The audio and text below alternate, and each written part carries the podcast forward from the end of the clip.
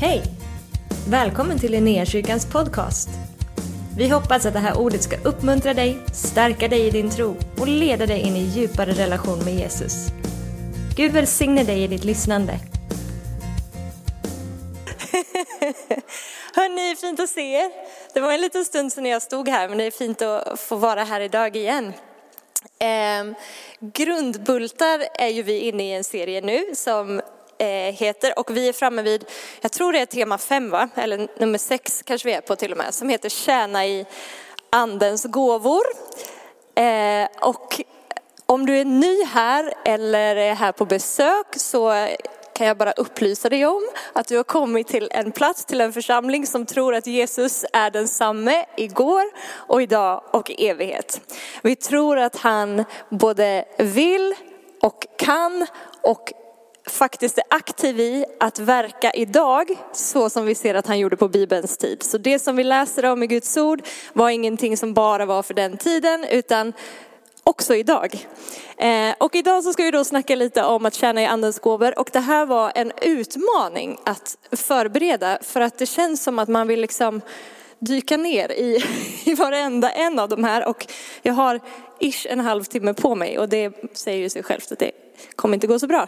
Så jag ska försöka att bara måla en lite, lite svepande större bild för oss.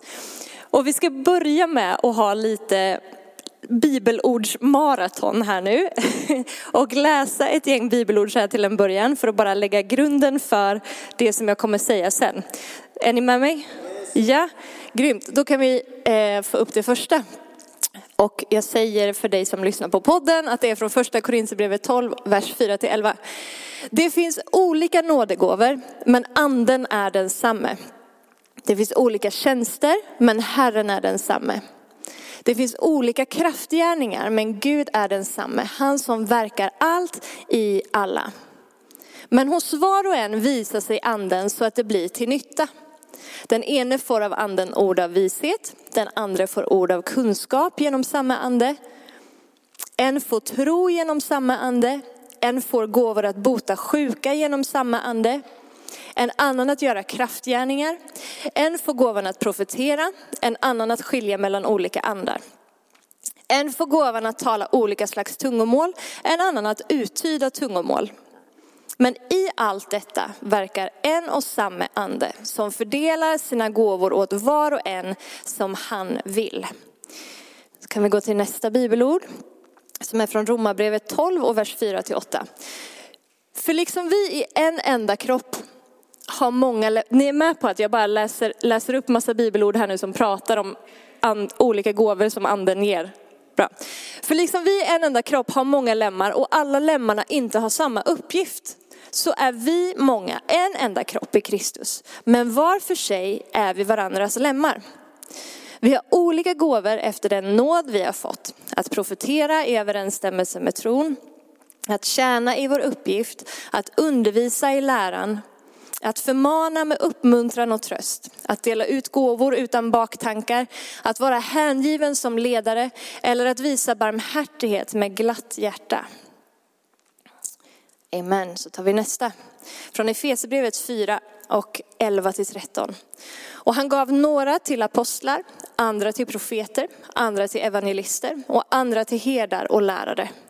För att utrusta de heliga till att fullgöra sin tjänst att bygga upp Kristi kropp tills vi alla når fram till enheten i tron och i kunskapen om Guds son, som en fullvuxen man med ett mått av mognad som motsvarar Kristi fullhet. Och sen har vi en kvar, från första Petrusbrevet kapitel 4, vers 10-11. Tjäna varandra, var och en med den nådegåva han har fått, som goda förvaltare av Guds mångfaldiga nåd. Om någon talar ska han tala i enlighet med Guds ord. Om någon tjänar ska han tjäna med den kraft som Gud ger, så att Gud i allt blir ärad genom Jesus Kristus. Hans är äran och makten i evigheters evighet. Amen. Nu fick ni en hel lång lista på en hel massa olika eh, gåvor och tjänster som den heliga ande ger till sitt folk. Eh, och det här är ju liksom inte en, en uttömmande lista eller en begränsande lista utan ger oss ett litet smakprov på olika sätt som Gud själv väljer att manifestera sig genom, i och genom sina barn. I och genom sin kropp. Och Paulus säger så här ifrån eh, första Korinthierbrevet kapitel 12 och vers 1 så säger han att när det, jag tror vi fick in den också kanske halva eller? När det gäller de andliga gåvorna bröder vill jag inte att ni ska vara okunniga. Jag tror att när Paulus säger så här, när det gäller de andliga gåvorna vill jag inte att ni ska vara okunniga. Att den här eh, liksom kunskapen som han efterfrågar, som han vill att vi ska ha, går så mycket djupare än bara nu vill jag att du ska förstå vad det innebär att skilja mellan andar. Eller nu vill jag att du ska förstå vad det innebär att ge ord av vishet. Jag tror att det, det han någonstans liksom försöker fånga in när han säger så här är, jag vill att ni ska lära känna den helige ande och sätten som han verkar på. Sätten som han väljer att visa sig på. Vilket sätt han vill röra sig och uppenbara sig i och genom ditt liv och i och genom de som finns runt omkring oss. För varje gång som en troende person fungerar i en gåva som den helige ande har lagt ner så blir det ett, ett vittne om någonting av Guds karaktär. Vi lär känna någonting om vem Gud är vem den helige ande är varenda gång som den helige ande får tillåtelse att flöda i och genom våra liv. Så när Paulus säger, jag vill inte att ni ska vara okunniga i fråga om de andliga gåvorna, så är det inte bara, nu vill jag att du ska rabbla fem sätt som man kan profetera på, eller fem sätt att ge kunskapens ord på. Utan han säger, Lär känna den helige ande. Lär dig att förstå hur han rör sig. Vad vill han göra? Vad lär vi känna om Guds hjärta när någon fungerar i den här gåvan eller i den här tjänsten? Låt oss tillsammans som, som hans barn och som hans kropp söka en större förståelse av Guds eget hjärta genom att lära känna hur han vill verka i, i, våra, i och genom våra liv. Det är en, att lära känna hur han verkar genom gåvorna är en mognadsprocess för oss. Som, både som enskilda lärjungar och individer men det hör också till mognadsprocessen av, av Guds församling. Och hur lär vi då känna det här? Två steg. Var ordets hörare, var ordets görare. Väldigt basic för allt när det kommer till lärjungaskap. Vi är ordets hörare och vi är ordets görare. Du kan lära känna på ett teoretiskt plan genom att sitta här och lyssna och lära dig saker om gåvorna. Men du kommer inte att lära känna Guds hjärta på djupet om du inte själv får erfarenheten av det. Antingen genom att själv bli använd i det eller genom att någon annan blir använd i det och påverkar ditt liv på ett eller annat sätt. Så vi hör och vi gör. Vi hör och vi gör. Och jag ber att den helige ande ska väcka tro i våra liv idag, väcka tro i våra hjärtan för att bara ta emot det här och få se det ännu mer i funktion i våra liv. Okej, det var grunden. Fråga ett. Vad är en andlig nådegåva? En andlig nådegåva är någonting av Guds förmåga nedlagt i dig. Det går bortom din mänskliga talang eller förmåga. Det är liksom ingenting som jag kan eh, träna mig till. Liksom att nu bestämmer jag mig för att jag ska bli asbra på, vad heter det, joja, leka med en jojo.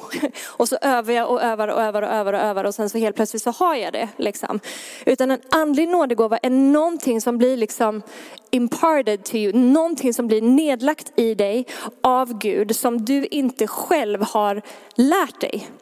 Sen när du, när du har den så kan vi bli bättre i i hur vi använder den och hur vi utövar den. Det finns en liksom, mognad in i det. Men det, det är inte någonting som liksom, att jag kan spela piano är liksom inte en andlig nådegåva. Jag har kämpat hårt för att lära mig att spela piano. Ni fattar, eh, ni fattar skillnaden. Så det är någonting av Guds egen förmåga som har blivit eh, lagt i ditt liv. Och vi får ställa oss själva till hans förfogande. Så finns det då väldigt många olika strategier för att liksom, eh, eh, kategorisera de här olika gåvorna för att hjälpa oss i vår förståelse för vad det handlar om och hur vi kan fungera i det här. Och olika liksom, teologer grupperar de här gåvorna på olika sätt. Eh, jag tänker att jag ska försöka ge oss en liten översikt i det här nu. Eh, det finns en grupp av gåvor som man brukar kalla för att de är eh, undervisande, upplysande, vägvisande, vägledande i sin karaktär. Det vill säga gåvor som på något sätt hjälper den troende att förstå någonting av det som Gud förstår av vad vi behöver veta i en viss stund, en situation, eller vilken riktning vi ska välja. Det är som att Gud väljer att uppenbara någonting, någonting, en slöja lyfts bort så att vi ser någonting som vi innan inte såg.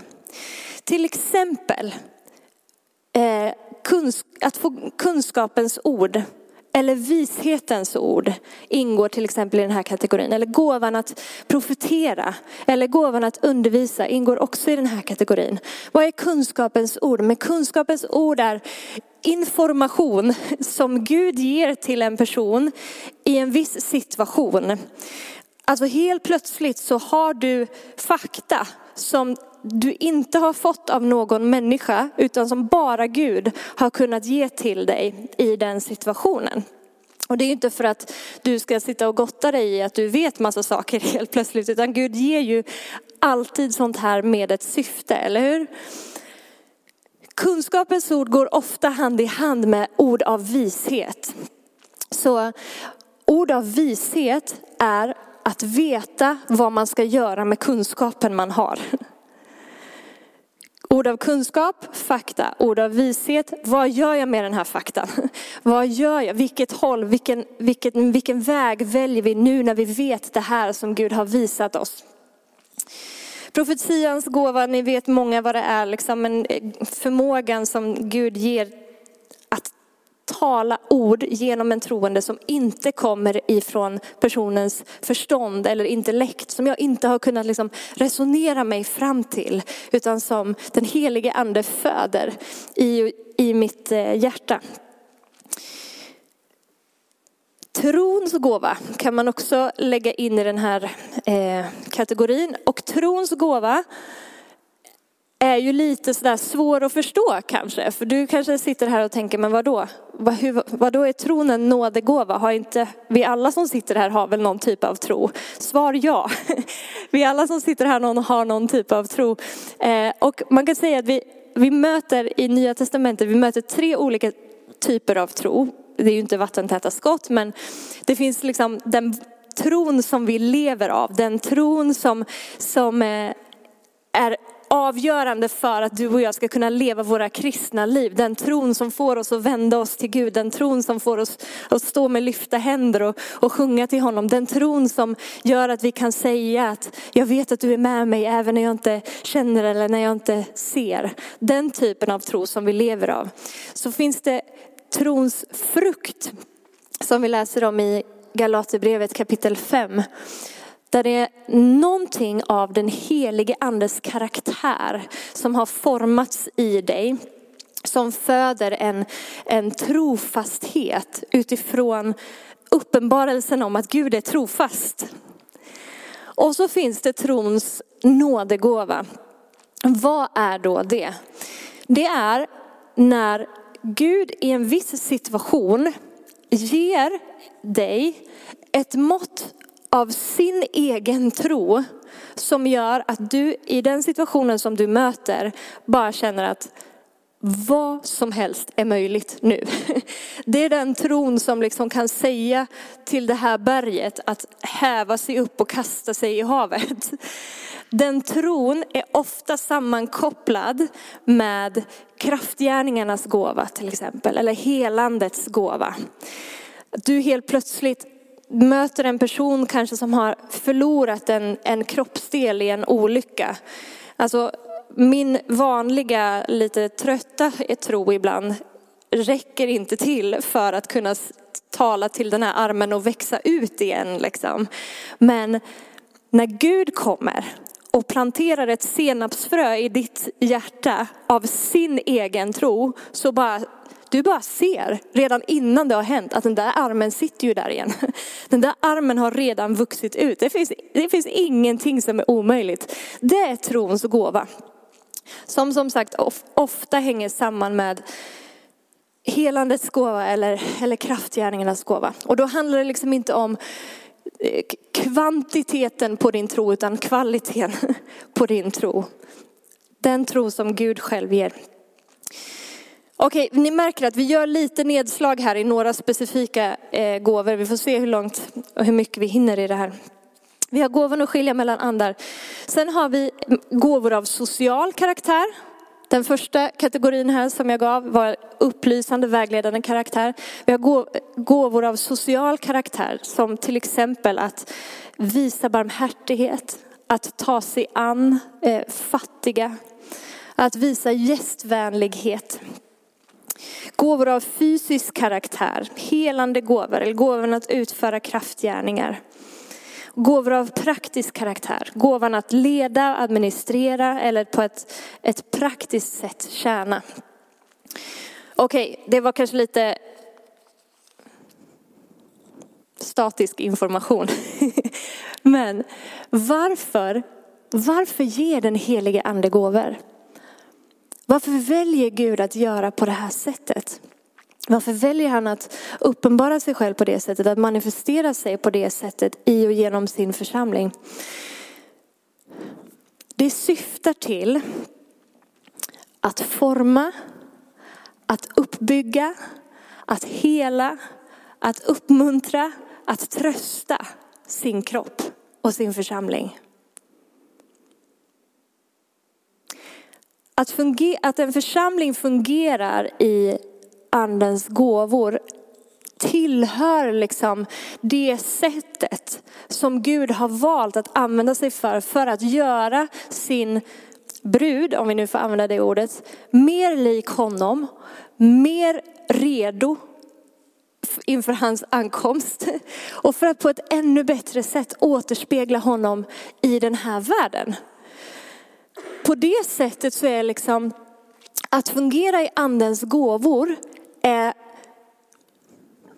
det här kanske låter hårt när jag säger det nu, men det är inte, det är inte valbart. Det är liksom ingenting som, ja men jag lever mitt liv som kristen och den där borta, den lever också sitt liv som kristen och ibland håller på lite med andens gåvor. Nej, nej, nej.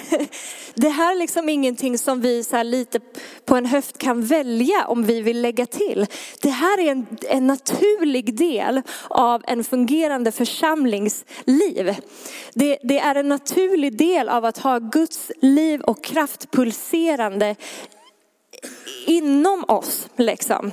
Det är inte någonting som vi kanske kan välja att lägga till. Nej, om vi har sagt vårt ja till Jesus och ställer våra liv till hans förfogande, då kan vi räkna med att Gud vill flöda igenom sin kropp på det här sättet. Och alla sa amen. Det är Guds sätt att verka genom den troende för andra människors uppbyggnad. Det är Guds sätt att visa ett av hans sätt att visa sig själv för oss, att visa sin natur, att visa vem han är. Kommer ni ihåg jag sa i början, varje gång som vi ser någon som fungerar i en gåva och jag möter det, så uppenbaras alltså någonting av Guds hjärta och Guds karaktär för mig. Någonting av hans godhet och kärlek ställs jag inför i den stunden. En utav, är ni med mig fortfarande eller? En av frukterna, ett av resultaten som sker när en församling fungerar i nådegåvorna, det är att Gud bevisas stor inför alla. För det blir så uppenbart att det är någonting som har hänt här nu som inte har att göra med min mänskliga förmåga. Eller att jag har försökt lite mer, tagit i lite mer från tårna liksom. Eller att vi har putsat lite på ytan och blivit fina moraliska kristna liksom. Nej, nej, nej. Någonting av, av det om vi nu får använda ordet övernaturligt. Det ska ju vara naturligt för oss, men ni förstår vad jag menar när jag säger så. Någonting av Guds liksom, suveräna liv blir uppenbarat för alla. Resultatet av det är en församling som älskar Gud mer. För att hans storhet liksom bara, kan Gud göra det här? Botade Gud precis den där personen? Talade Gud precis som de där orden? Växte det där benet precis ut? Fick vi precis uppenbarelse om vilken väg vi ska välja i den här situationen? What? Bryr sig Gud om oss på det sättet? Och det väcker en, en beundran i våra liv inför Jesus som ingenting annat kan göra.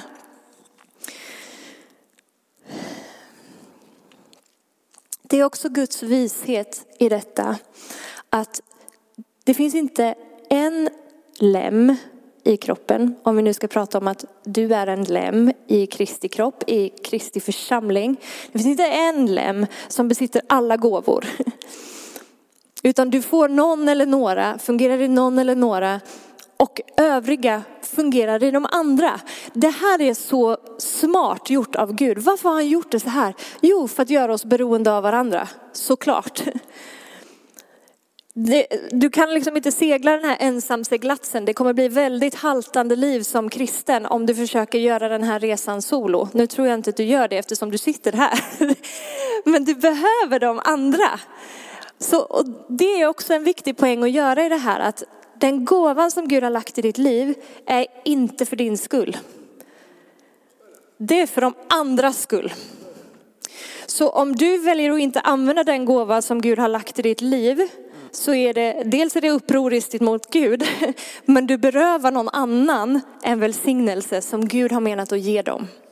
För varje gång som du tjänar i din gåva så styrker du någon annan, så uppmuntrar du någon annan, så uppbygger du någon annan, så visar du för någon annan någonting av vem Gud är. Så du och jag har liksom ingen rätt att hålla det tillbaka. Har vi sagt vårt ja till Gud så behöver vi släppa taget och släppa kontrollen. All right. Vi orkar lite till va? Kom igen professorn.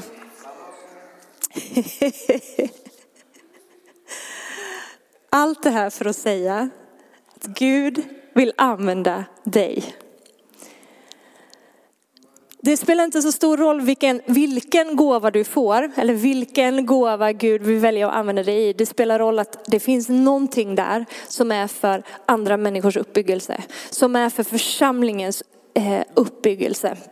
Och är du på nytt född så är du liksom inympad i Kristi kropp. Du har blivit sammanfogad med Jesus, med den helige ande. Det betyder att det finns någonting från honom nedlagt i dig. Så ingen är diskvalificerad från att tjäna i en andlig gåva. Du, är du född på nytt så kan du inte sitta och säga, jag tror inte att Gud vill använda mig, jag tror inte att jag har någonting. Jo, det har du. Det har du. Det är liksom inte ett alternativ för Gud att du skulle vara inympad och en del av hans kropp. Och sen säger han, alla andra kan få tjäna mig, men inte du. Jag glömde dig. Typiskt. Så är det inte. Du har någonting. Kanske du vet om vad det är du har, eller så vet du inte om vad det är du har. Grattis till dig, det är en jättespännande upptäcktsfärd att gå på i sådana fall. Då ber vi att Gud ska visa det för dig. Hur tar man emot en andlig gåva? Hur tar man emot nådegåvorna? Ett, det är ingenting du kan förtjäna. Det här sa jag lite i början också. Du kan inte förtjäna det. Det är liksom inte att du gör A, B, C för att visa dig duktig och sen fick du en okej-stämpel ifrån Gud och då gav han dig en gåva. Mm -mm. Det är nåd. Det är nåd. Varför? För att ingen av oss ska kunna berömma oss av oss själva i det här. Se på mig hur andlig jag är. Jag måste ju vara världsbäst i Guds ögon eftersom jag har gåvan att profetera. Det smakar illa, eller hur? Ingen ska kunna berömma sig. Det är av hans nåd och bara av hans nåd som vi får det. Du får det av nåd. Varje kristen har minst en gåva nedlagd i sig. En nådegåva kan också tas emot genom handpåläggning. Det vill säga att det är en person som ber för dig. En person som har en viss gåva, som, som ber för dig och ber att Gud ska lägga samma gåva i dig.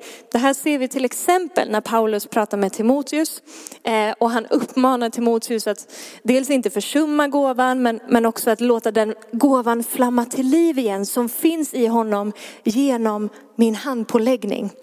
Så du kan få ta emot det genom att någon också ber för dig. Bibeln uppmanar oss också att söka de andliga gåvorna. Att sträcka oss efter dem, att, att hungra efter dem. Vi intar en hållning på något sätt där vi säger Gud, jag, jag längtar efter att få bli använd i det här. Will you please use me? Jag är redo. Använd mig som du vill. Jag ställer mig till ditt förfogande. Och du kan liksom, ofta så får du en förnimmelse av vilken gåva det är Gud vill använda dig i genom att du känner en längtan eller en dragning efter just den gåvan. Gud är ju ingen retsticka liksom som först lägger en längtan i någons hjärta och sen säger han nej, nej, nej, nej, nej, nej, du kan inte ta den. Så är han ju inte. Utan när han placerar en längtan i, din, i ditt hjärta så är det för att han ämnar att svara på den, eller hur? Men, men vi behöver positionera oss, vi behöver sträcka oss, vi behöver liksom längta efter det. Jag ber att den heliga ande skulle väcka den där längtan i oss idag.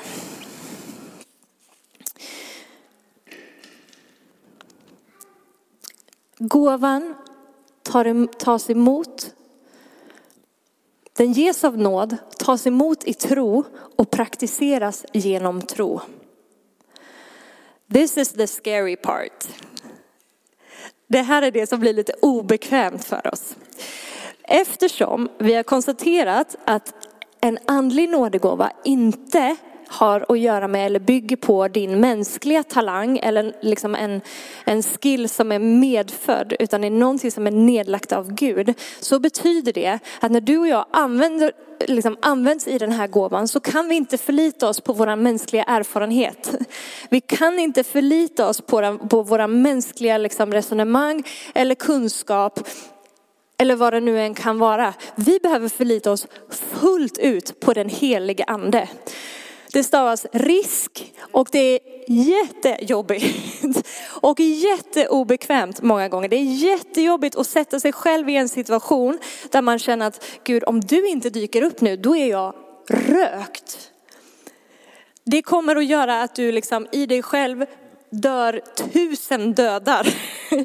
Du behöver dö bort ifrån människofruktan, du behöver dö bort ifrån behovet av att vilja ha en, en schysst image liksom det där finns bara inte utrymme för, utan om du vill bli använd av den heliga ande så behöver du bara säga yes sir, kosta vad det kosta vill, nu dyker jag i med båda fötterna. Händer det ingenting nu, då går jag och gömmer mig under en filt för att det kommer kännas jättejobbigt.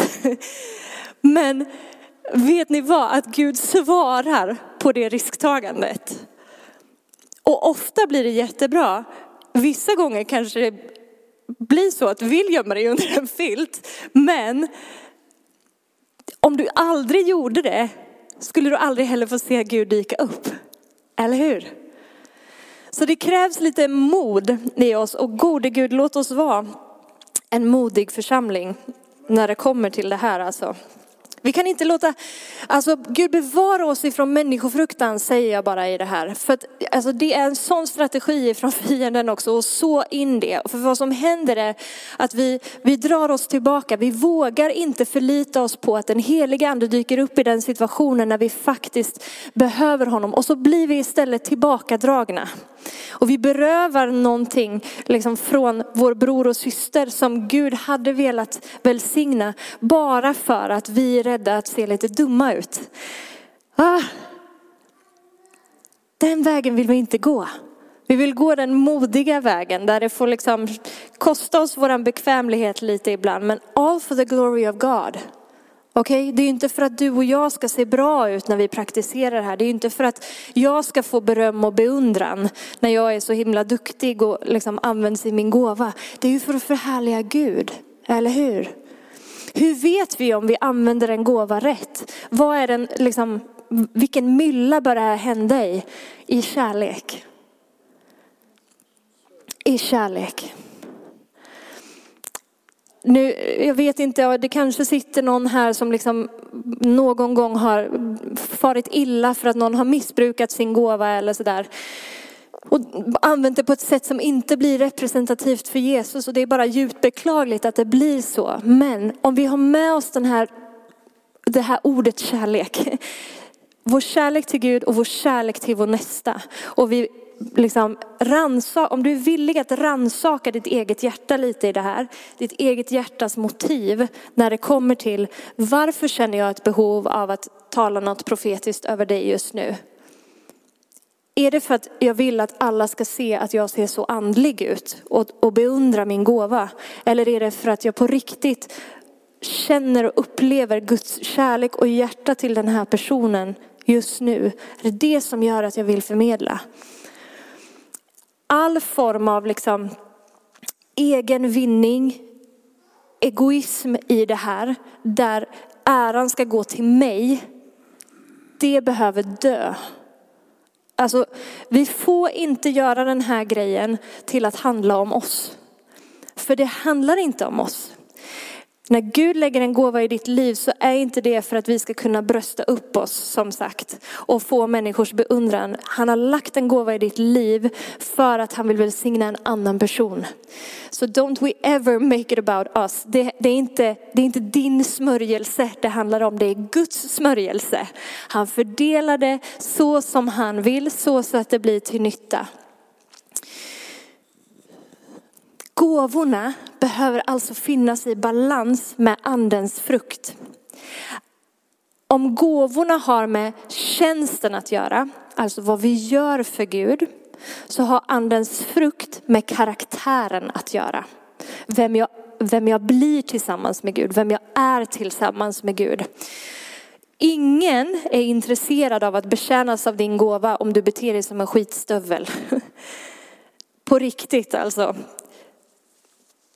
Men, men om du är liksom Jesus lik i din karaktär så blir människor väldigt mycket mer mottagliga för att ta emot det som du kan ge tillsammans med honom. Så vad betyder det? Det betyder att vi ska, även om vi ska söka gåvorna och liksom sträva efter att eh, få ta emot ännu mer av det, så upplåter vi oss själva också till att formas av den helige ande. Inte bara så att jag blir den stora smorda personen, utan jag vill vara en person som är liksom välbehaglig i mitt hjärta på alla sätt och vis inför Gud. Så att han kan anförtro mig med ännu mer. Eller hur? Vi behöver ha Jesus för ögonen. In everything. Nu ska jag landa den här eh, predikan. Det här, är min, det här är min bön och min inbjudan nu också när vi ska gå in och be för varandra i det här. Du kanske finns här som inte har upptäckt vad Gud har lagt i dig, inte vet liksom vad för nådegåvor som finns i ditt liv.